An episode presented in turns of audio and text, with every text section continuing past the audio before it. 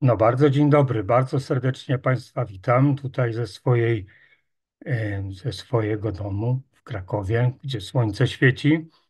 Wszyscy dzisiaj myślimy pewnie też i o wydarzeniach politycznych.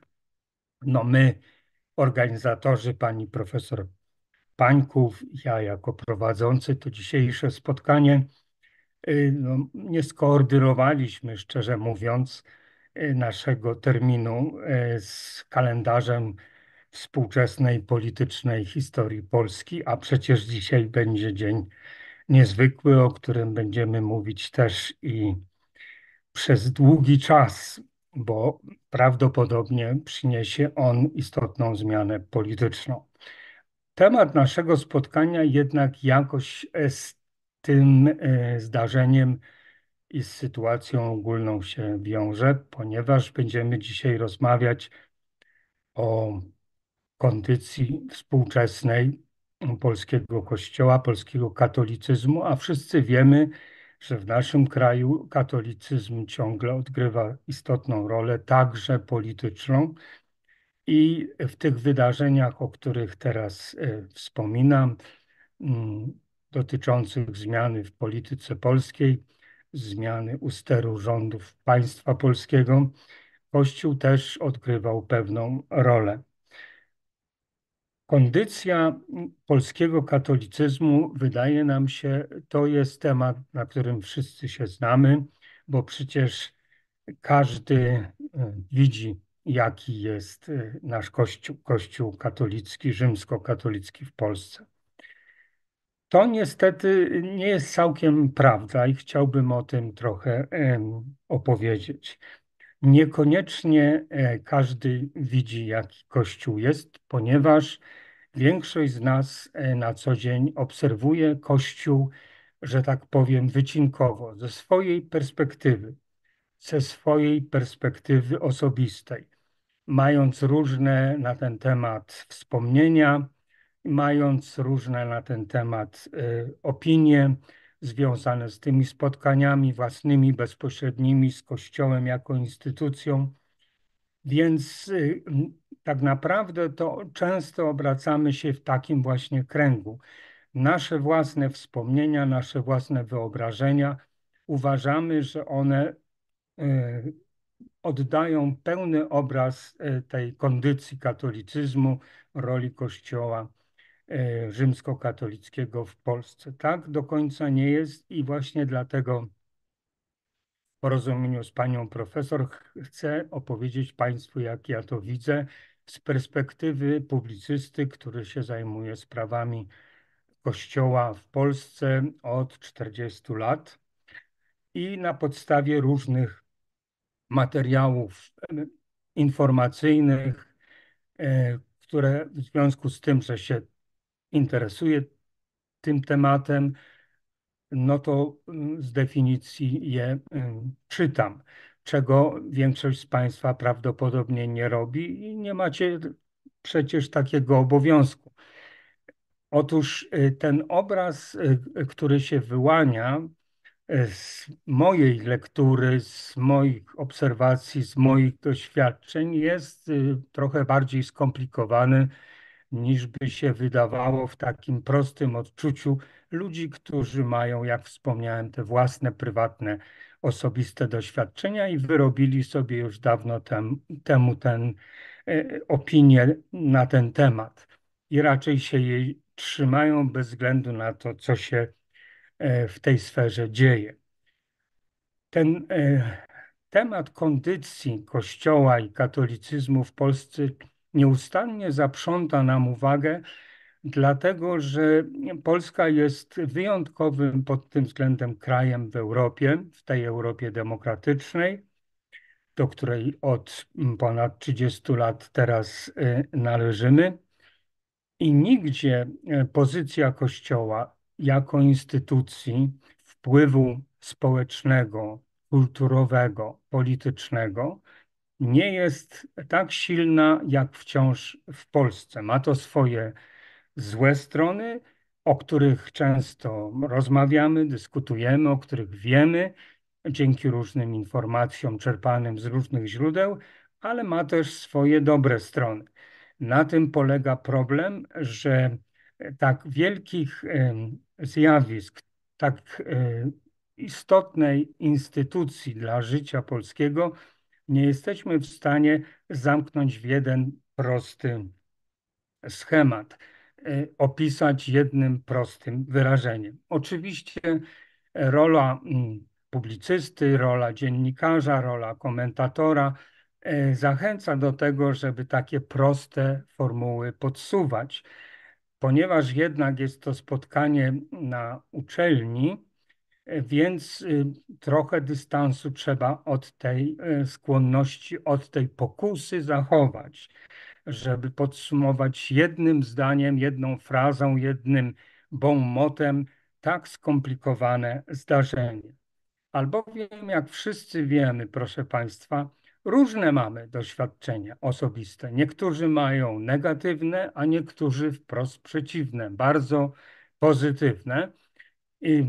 Jeśli chodzi o rolę Kościoła, o rolę jakiegoś konkretnego, na przykład duchownego, jakiegoś autora, jakiejś parafii, w której przez lata e, się udzielaliśmy, albo po prostu chodziliśmy tam e, na, na msze w niedzielę najczęściej. No i oczywiście z okazji świąt.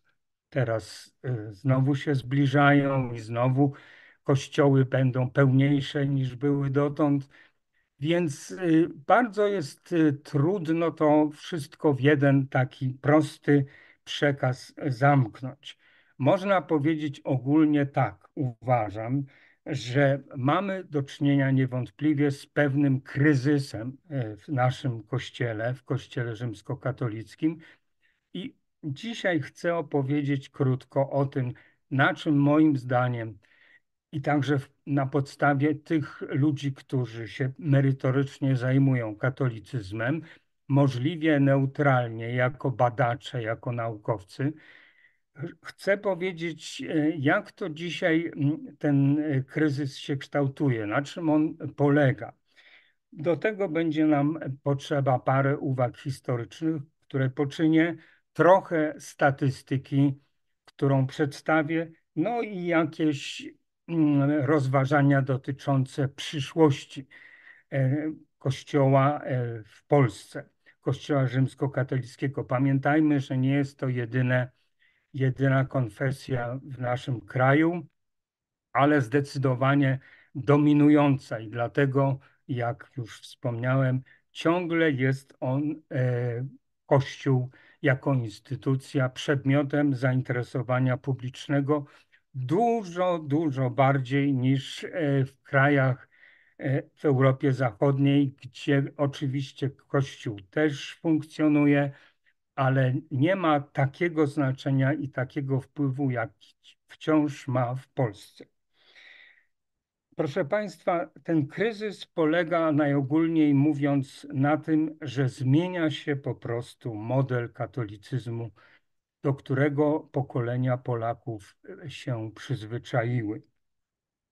Nie musi to być e, związek e, bardzo serdeczny i przyjazny, ale wszystko jedno, wielu z nas doświadcza ciągle jeszcze obecności e, katolicyzmu w naszym życiu, a zwłaszcza obecności Kościoła rzymskokatolickiego jako instytucji. Przypomnijmy, proszę Państwa, że przecież e, tak jak tu siedzimy, e, Państwo u siebie w domu, ja u siebie w domu, i wzajemnie mm, słuchamy, mm, co mamy tutaj do powiedzenia, co mamy do pomyślenia. Przypomnijmy, że wszyscy mamy swoje rodziny, w tych rodzinach, e, ponieważ mówię jako senior do seniorów, e, mamy też przecież i dzieci, i wnuki, a wnuki na przykład są w wieku szkolnym, i w ostatnich latach z pewnością e, doświadczały też te, tego problemu, o którym rozmawiamy na lekcjach religii, na przykład, ale nie tylko. Więc to wszystko skłania do mm, skoncentrowania się właśnie na tym, żeby opisać, na czym ten e, model, zmieniający się model polskiego katolicyzmu polega? E, przez lata był to e, model, można powiedzieć, oswojony, swojski. Możemy mieć różne na ten temat zdania, różne doświadczenia, ale mm, po prostu Kościół jako instytucja towarzyszył nam w naszym życiu właściwie od narodzin do odejścia z tego świata. Taka jest prawda. W bardzo nielicznych przypadkach e, zdarzało się, żeby urodzić się w rodzinie w Polsce, e, która nie miała żadnego doświadczenia, żadnego kontaktu z katolicyzmem. Więc y, ten model był bardzo zakorzeniony i jest nadal. To się wiąże między innymi y, z podstawowymi faktami dotyczącymi Kościoła jako instytucji. Otóż, proszę Państwa, to jest potężna instytucja. Chyba druga pod względem e, znaczenia, ważności, ale też organizacyjno-technicznym e, w państwie polskim. Na pierwszym miejscu oczywiście jest państwo, jego instytucje, ale na drugim miejscu jest właśnie ten Kościół. Jest e, to, można powiedzieć, instytucja, y, no sama tak siebie nazywa, hierarchiczna, a więc z definicji nie posługująca się praktykami, standardami demokratycznymi. Instytucja hierarchiczna polega na tym, że jest zbudowana e, właśnie na hierarchii dowodzenia, można powiedzieć są najważniejsi, potem jest szczebel e, średni i wreszcie na dole tej e, całej struktury są duchowni e, w parafiach, proboszczowie, ich pomocnicy, no i oczywiście są też wierni, lud Boży tak zwany. Obowiązuje dyscyplina, obowiązuje zasada lojalności wobec poleceń zwierzchników. Można powiedzieć, że w tym stopniu, w tym sensie Kościół ma podobną strukturę i metodę rządzenia się jak formacje e, mundurowe. Tam też jest hierarchia, tam też trzeba słuchać i wykonywać bez dyskusji rozkazy, polecenia przełożonych, a jeśli się nie wykonuje, to grożą za to różnego rodzaju kary, sankcje. I teraz naszych no powiedzmy zwyczajnie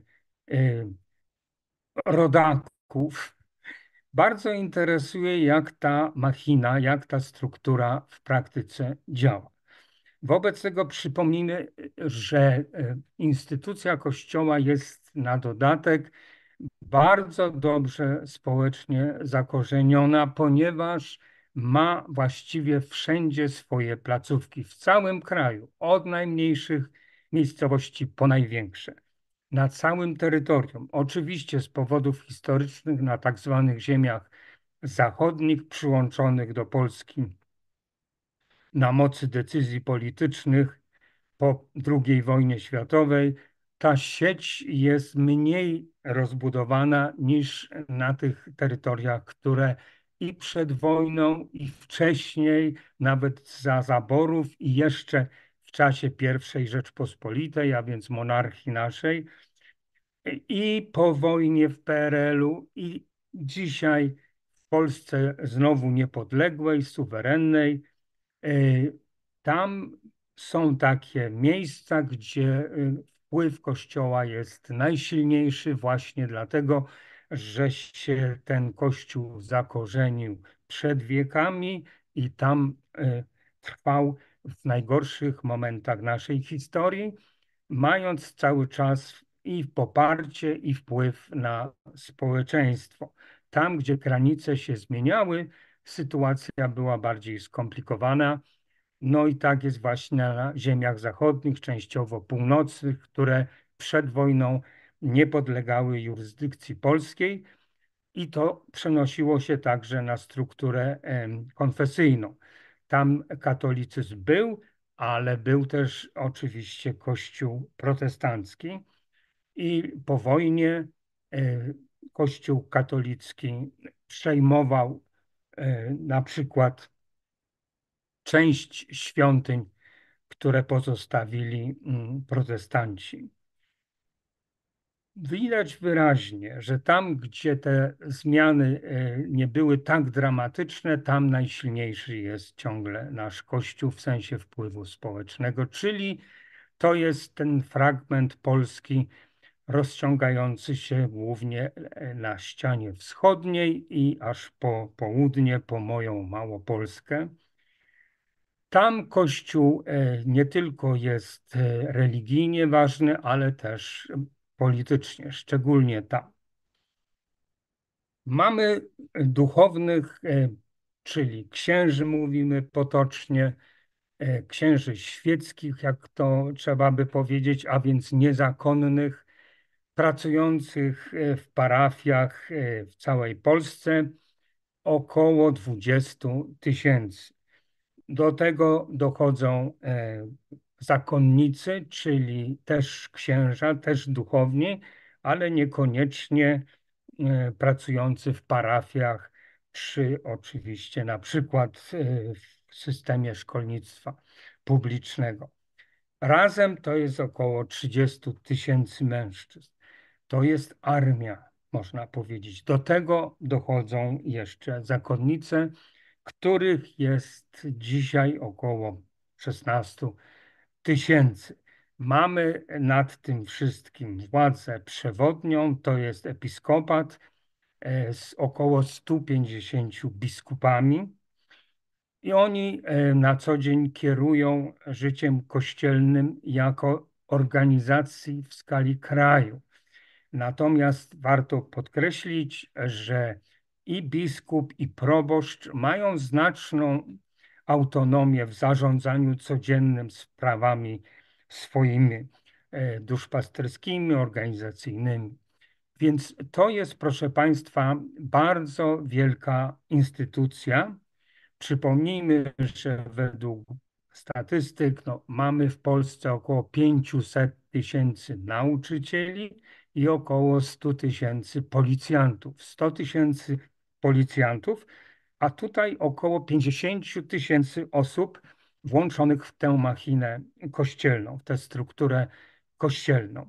No to robi wrażenie, zwłaszcza, że jak mówię, ta struktura jest bardzo dobrze rozprzestrzeniona po naszym kraju, także ma wpływ i na ludzi w największych miastach, i na ludzi w najmniejszych miejscowościach.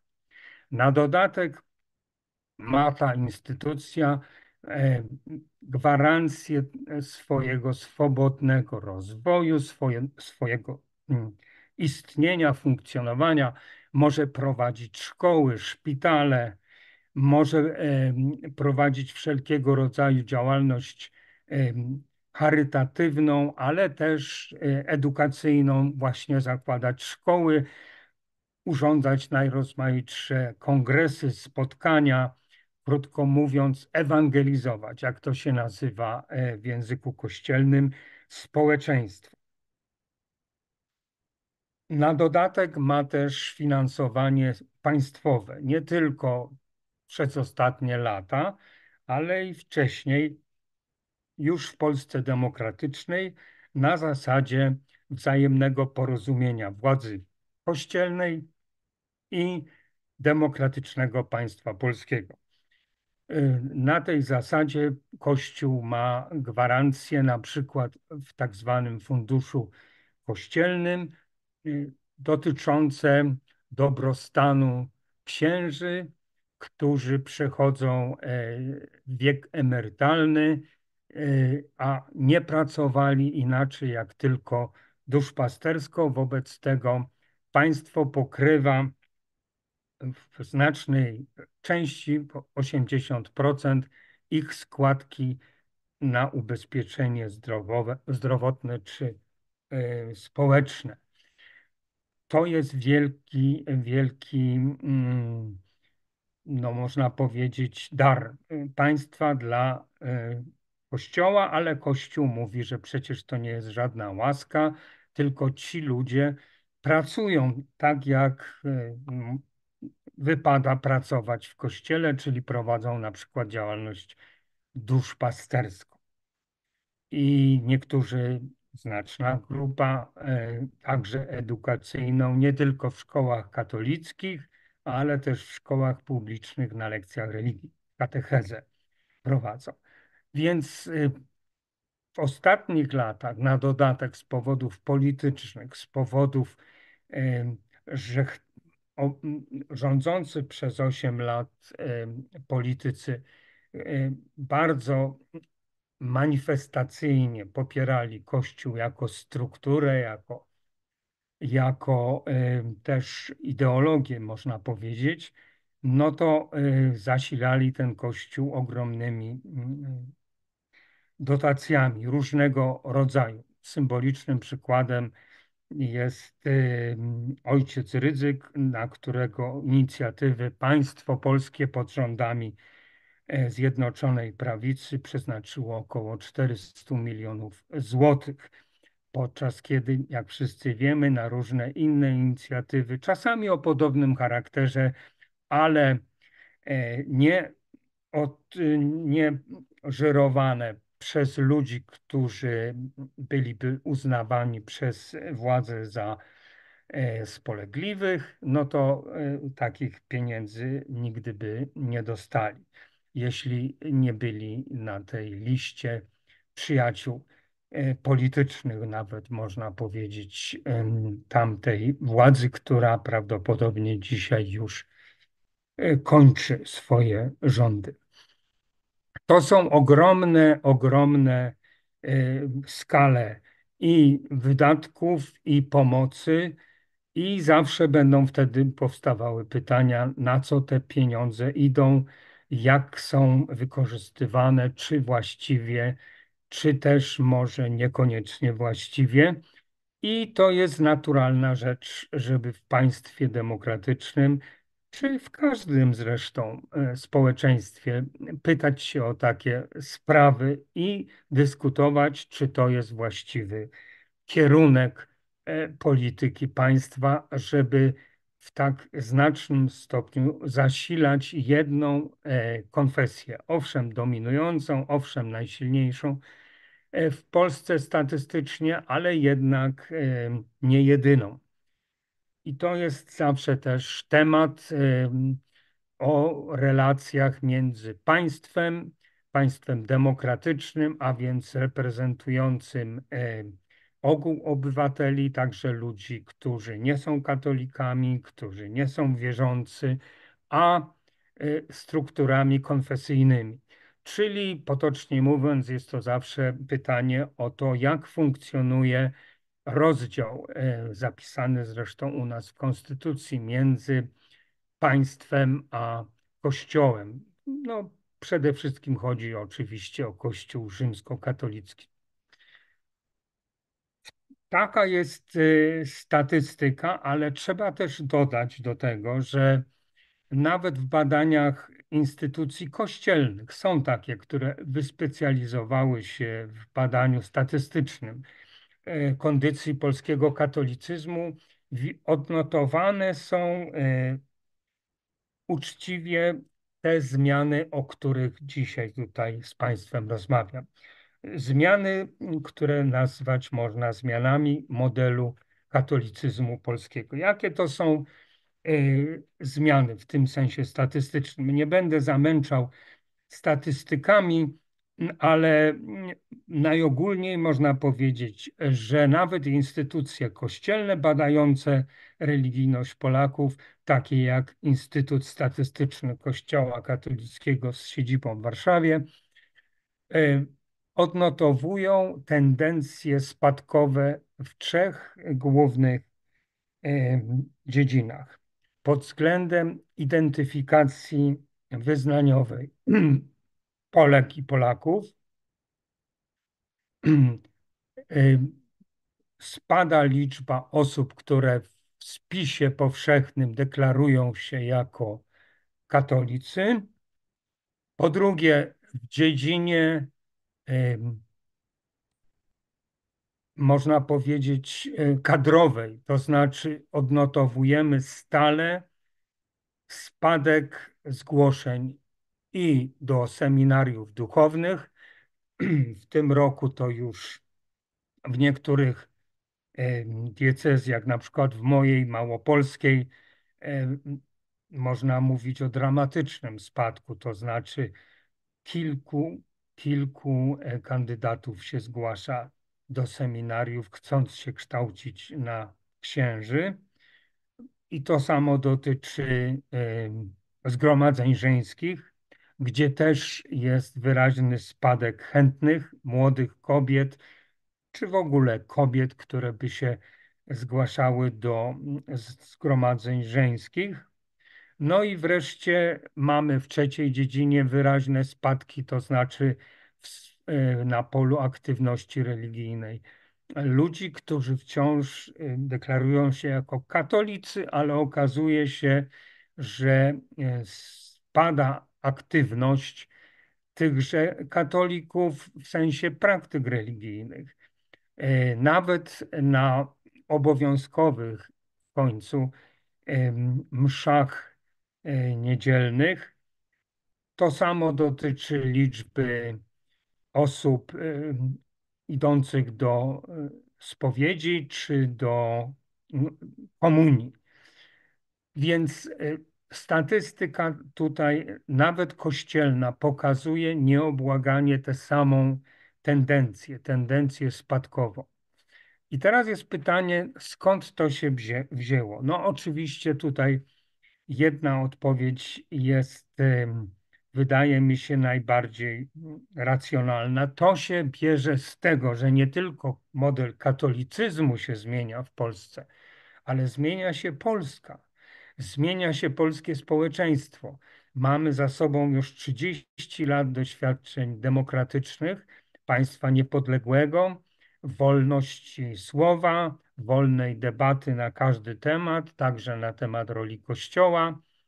Mamy wreszcie otoczenie międzynarodowe. Jesteśmy członkiem Unii Europejskiej i e, w całej Europie mamy otwarte granice, zwłaszcza młode pokolenie może jeździć, e, poznawać świat, w tym wypadku Europę, może e, tam się kształcić, Y, przez dłuższy czy krótszy czas zbierać swoje doświadczenie, no i zestawiać potem te swoje doświadczenia z tym, co znajduje w Polsce.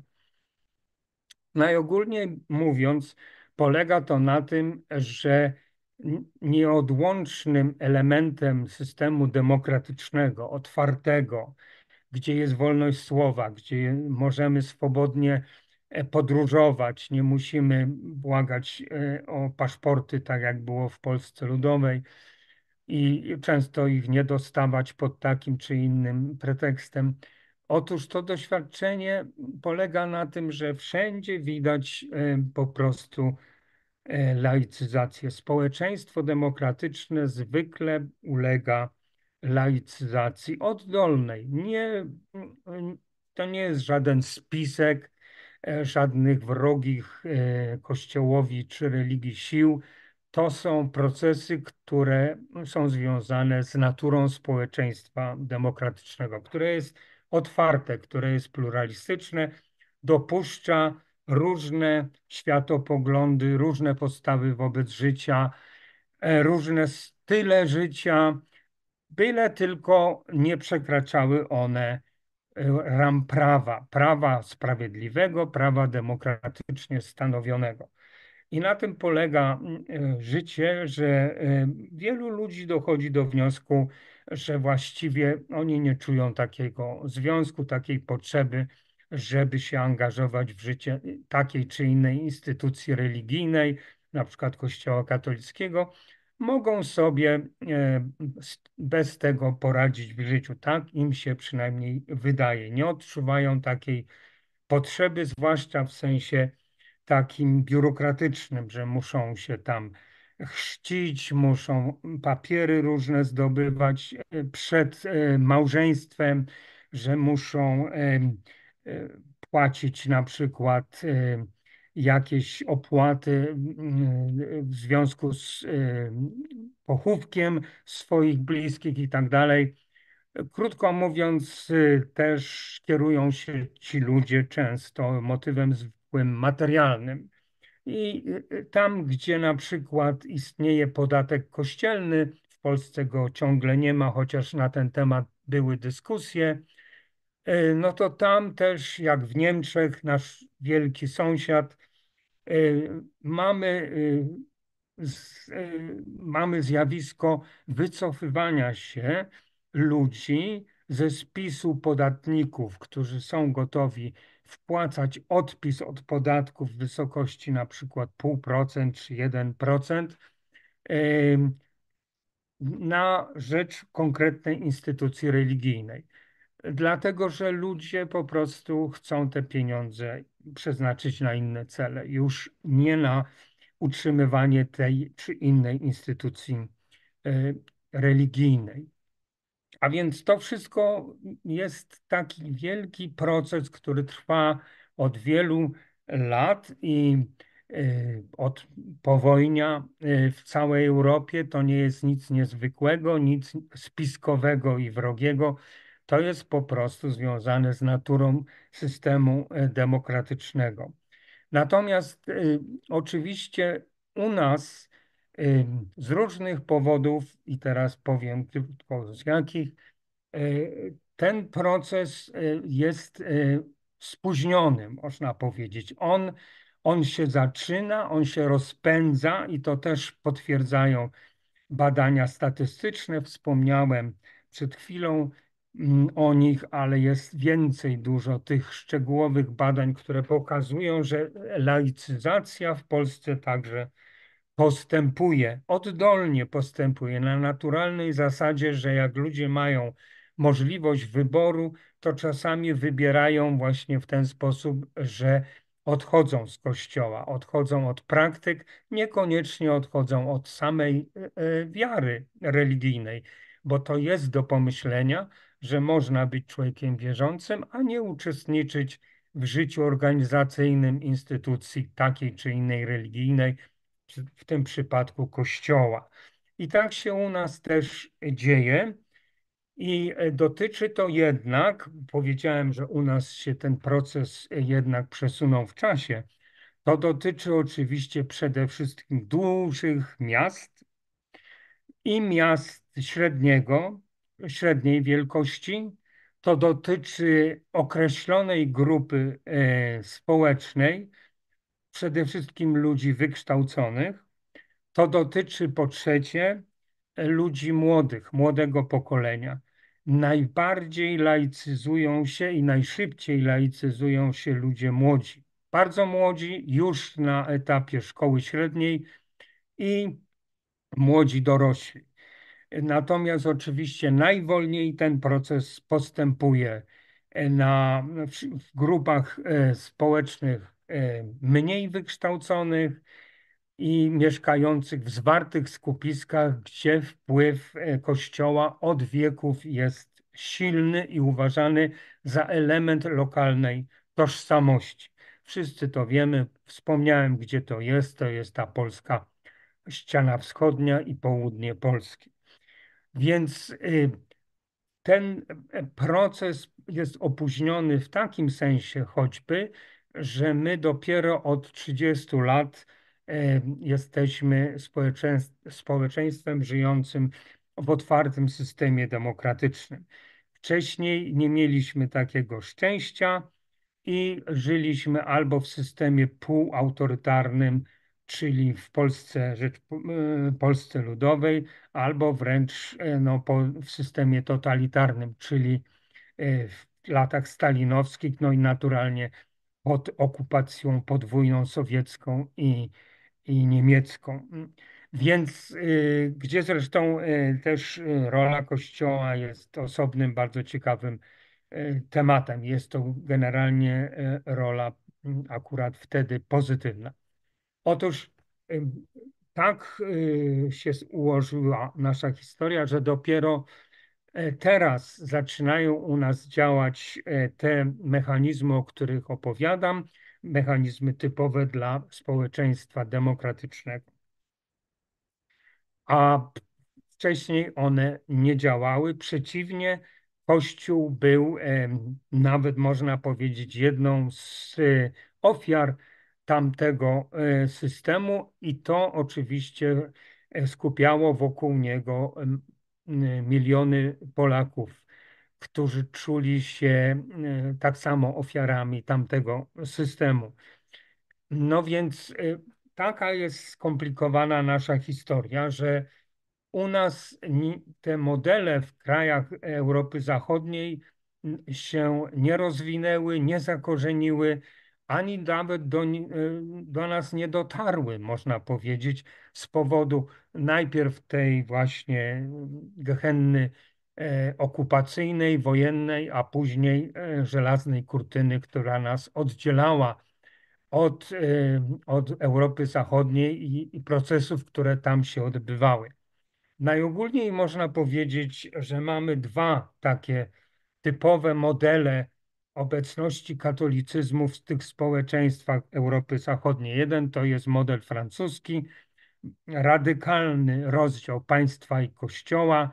E, też to nie stało się nagle, ale tak się ostatecznie stało, że e, już ponad 100 lat temu Francja ogłosiła się państwem świeckim.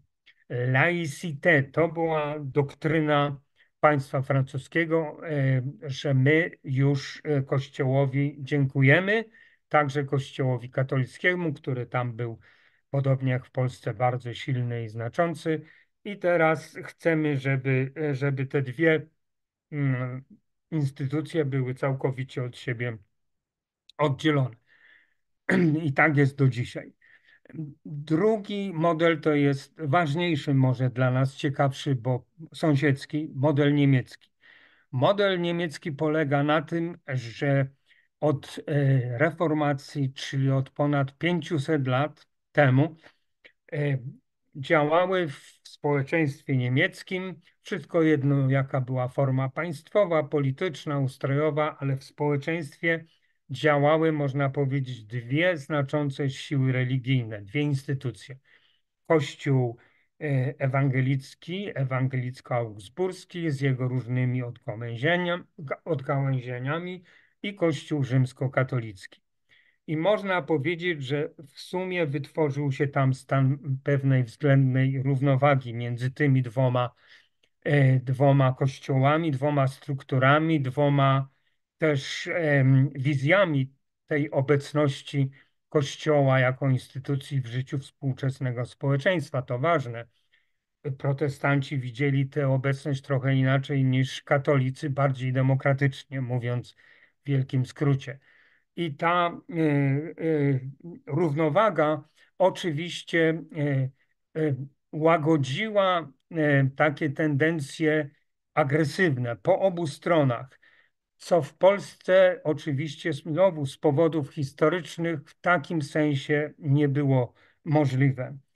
W Polsce nie do pomyślenia e, byłoby, że właśnie dwie duże siły mogą ze sobą nawet współpracować, jak się to dzieje od powiedzmy przynajmniej pół wieku, jak nie dłużej. Że mogą współpracować, że obywatele mogą sami decydować, na, jaką, na jaki kościół chcą ten odpis podatkowy przeznaczać i tak dalej. Do, na, u nas nie do pomyślenia. U nas bowiem e, działa i do dzisiaj działa w jakiś sposób albo y, czasami widzimy sztuczne próby e, wskrzeszania stereotypu Polaka jako katolika, nie protestanta, nie prawosławnego, nie muzułmanina, nie ateisty czy, ate, czy agnostyka, ale katolika i koniec.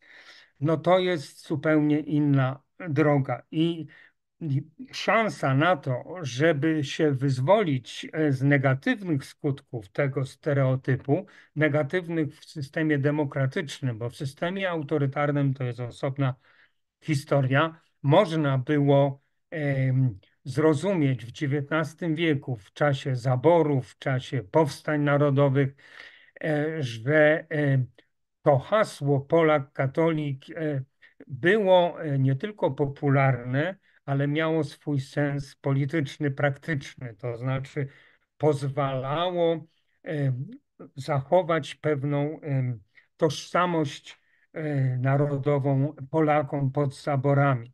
Natomiast w systemie demokratycznym to nie ma sensu, ponieważ nie ma zaborcy, nie ma żadnego wroga, który nad nami panuje. Natomiast potrzeba nam pewnego ładu społecznego, pewnego pokoju społecznego, współpracy przede wszystkim, a nie e, konfrontacji między instytucjami a społeczeństwem, tak jak się to działo w okresie zaborów. Więc e, dzisiaj dzisiaj to hasło nie ma sensu, ale mimo to z powodów politycznych ugrupowania prawicowe lubią czasami go reaktywować, że tak powiem. I to jest niedobre i niepotrzebne, ponieważ nie służy temu, co, e, co by się chciało widzieć w Polsce. A chciałoby się widzieć inny model e, katolicyzmu niż ten, o którym teraz opowiadam. Nie ten hierarchiczny, nie ten zamknięty, nie ten e, ustawiony jak gdyby w kontrze do innych propozycji światopoglądowych, na przykład, e, na przykład takich, e, które kładą akcent na prawa jednostki, na swobody obywatelskie, na prawa kobiet, na równość praw, równość praw obywatelskich wszystkich grup społecznych, także mniejszości, czy to narodowych, czy religijnych, czy kulturowych. Chciałoby się widzieć właśnie taki model nowoczesny bardziej e, i taki katolicyzm, który potrafi z taką, e, w takim społeczeństwie działać e, w sensie pozytywnym, a nie w sensie destrukcyjnym, nasyłając jednych na drugich pod tymi właśnie hasłami już zupełnie archaicznymi, że Polak to katolik, e, a inny to jest e, gorszy sort, albo Niemiec, albo inny, inny rodzaj e, jakiegoś zagrożenia, wyimaginowanego zagrożenia. Więc czy ta, jaka jest przyszłość dla Polski w takim razie, skoro ta sekularyzacja E, postępuje oddolnie i nie ma na to rady i w każdym społeczeństwie demokratycznym, dopóki ona istnieje i funkcjonuje, e, rola e, instytucji religijnych się po prostu zmniejsza. Wyjątkiem jest Ameryka, chociaż to jest zupełnie inny, ważny, osobny temat, Stany Zjednoczone, ale i tam już dzisiaj ponad 30% obywateli deklaruje się jako osoby niezwiązane z żadnym wyznaniem, e, z żadną konfesją religijną, więc i tam ten proces laicyzacji postępuje. Wróćmy do Europy. Więc jakby to e, mogło być? Mogłoby być e, lepiej i takie próby także i w naszym kościele podejmowano. Momentem przełomowym zmiany tego tradycyjnego modelu hierarchicznego, paternalistycznego,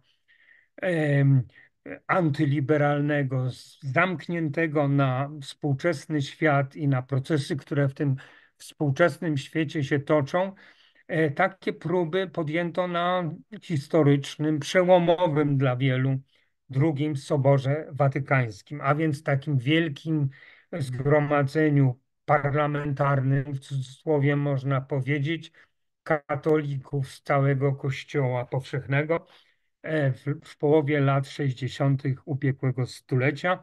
Aktywnym uczestnikiem był m.in. kardynał Karol Wojtyła, tego, tego soboru drugiego watykańskiego i tam wypracowano taki model katolicyzmu w, w dialogu w dialogu ze światem współczesnym. Nie, żeby wszystko akceptować, ale żeby dyskutować, przedstawiać racje i szanować wybór obywateli, którego reprezentacją w demokracji przede wszystkim są wybory. I e, taki był ten model e, zaproponowany z aktywnym zresztą udziałem właśnie wspomnianego, wspomnianego kardynała Wojtyły, późniejszego papieża i świętego w Kościele katolickim, żeby właśnie otworzyć, jak to się mówiło, okno Kościoła, okna w Kościele na świat współczesny, żeby poczuć, e, jaki tam wiatr wieje i żeby po prostu e, nie odwracać się tyłem do tego świata, bo nie tego oczekują społeczeństwa e, współczesne, tylko oczekują, mówiąc w skrócie, rozmowy, rozmowy i przekonywania. Przecież nie jest tak, że, że się odrzuca wszystkie argumenty przedstawiane na przykład przez teologów, czy e, powiedzmy przez duszpasterzy, nie tylko katolickich, ale także z innych konfesji chrześcijańskich, e, dotyczących tego, co jest celem życia, co jest sensem życia, jak, na czym polega życie e, przyzwoite, uczciwe, społecznie, że tak powiem, mm, użyteczne, przydatne, a na czym polega E, problem z takim e, absolutnym, e, z absolutną indywidualizacją w społeczeństwie, rozpadem pewnych więzi społecznych z tych powodów, że ludzie chcą żyć właśnie nie tylko, że chcą po swojemu, ale w ogóle chcą żyć nie oglądając się na innych. Na to nawet, co się dzieje za, za ścianą, u sąsiada, nie mówiąc o szerszej społeczności, a więc o mieście, o gminie, czy wreszcie o kraju, o państwie. Więc e, są oczywiście zagrożenia i z tej strony, z tej strony liberalnej, i mądry duszpasterz, mądry ksiądz, mądry biskup, mądry teolog e, e, wychodzi naprzeciw, a nie odwraca się od tych problemów, jak pogodzić wolność i bezpieczeństwo jak pogodzić wolność jednostki e, z naciskiem wspólnoty, która chce tę jednostkę mieć pod kontrolą. Najczęściej tam, gdzie właśnie ten autorytet instytucji e, religijnych jest większy niż nawet autorytet państwa czy prawa. Kontrola społeczna jako problem. To są wszystko bardzo ważne problemy naszego współczesnego świata, zwłaszcza w XXI wieku, kiedy wchodzimy i jesteśmy w, w okresie wielkich niepokojów, turbulencji, zderzania się populizmu różnych odmian e, z, systemem demokratycznym. To jest naprawdę świat niezwykle skomplikowany i taki model e, tradycyjny, tradycjonalistyczny, katolicki, no nie jest w stanie po prostu odpowiedzieć na te wyzwania. Chyba, że się zamknie z powrotem, cofnie do XIX czy jeszcze wcześniej wieku i tam będzie sobie siedział w swojej bańce zadowolony. A z kolei inni zamkną się w swoich bańkach, na przykład radykalnie anty religijnych czy antyklerykalnych. To nie jest dobra droga. I mądry duszpasterz czy mądry działacz polityczny, e, niekatolicki, niekonserwatywny, nietradycjonalistyczny, oni powinni z baniek wyjść i zacząć rozmowę poważną. Forum do tej rozmowy jest między innymi parlament, są media, są, e, jest życie akademickie E, wykłady uniwersyteckie, dyskusje uniwersyteckie. Mamy narzędzia, jak zmieniać świat, jak poprawiać świat taki sposób, żeby to służyło nam wszystkim, a nie tylko jednej grupie politycznej czy jednej grupie ideologicznej, jednej ideologii, na przykład narodowo-katolickiej, albo radykalnie e, powiedzmy libertariańskiej, że wszystko mi wolno i nie oglądam się na innych, bo to jest moje życie i mam tylko raz tę szansę, żeby e, się dorobić, zarobić, fajnie żyć i tak dalej. To są bardzo poważne pytania, bardzo poważne wyzwania. I anachronizmem jest e, taki model kościoła zamkniętego, e, niechcącego po prostu tego dialogu albo bojącego się tego dia- dialogu. Ja tu mówię o sprawach fundamentalnych, tak mi się wydaje, ale oczywiście wszyscy wiemy, że nasze wyobrażenie o Kościele bierze się też po prostu z naszych, jak wspomniałem na początku, doświadczeń osobistych albo z takich e, przekazów, których dzisiaj mamy całe mnóstwo. Mamy przecież media tradycyjne, mamy e, media społecznościowe, mamy prasę.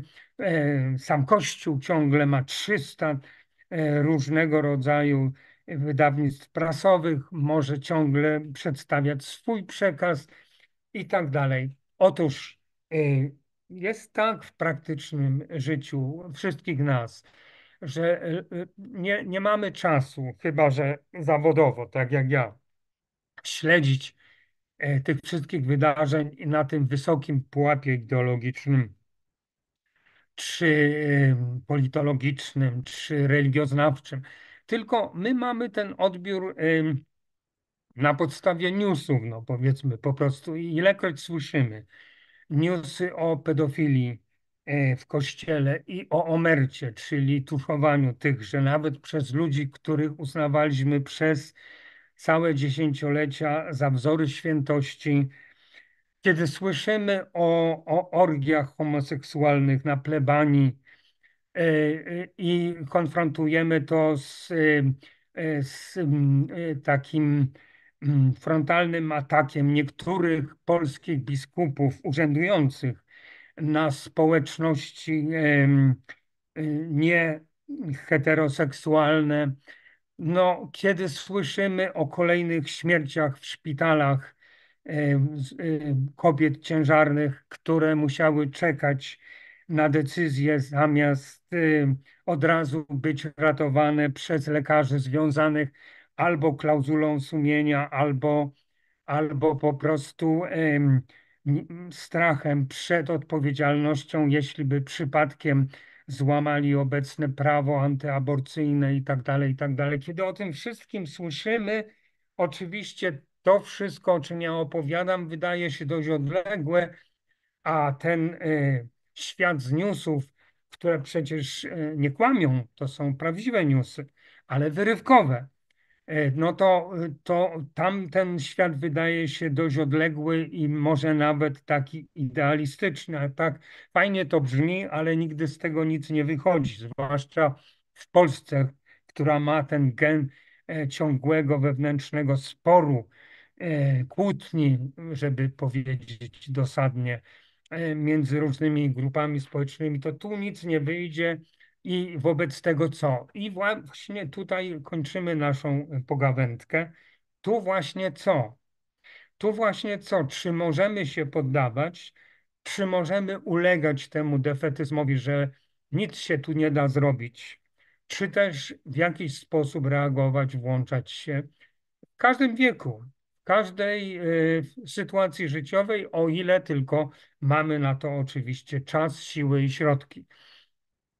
Y, w Kościele katolickim y, w odpowiedzi na te wszystkie mm, wątpliwości czy zarzuty dotyczące kondycji obecnego katolicyzmu, zwłaszcza kondycji episkopatu, kondycji Kościoła jako systemu kościelnego, często słychać, no tak, to wszystko może i tak jest, no ale przecież ludziom, bardzo wielu ludziom e, ciągle Kościół jest potrzebny po prostu jako miejsce choćby spotkania no, dla wierzących z Bogiem, a dla mniej wierzących jakiegoś wyciszenia się duchowego, wewnętrznego, przemyślenia ważnych dla siebie spraw.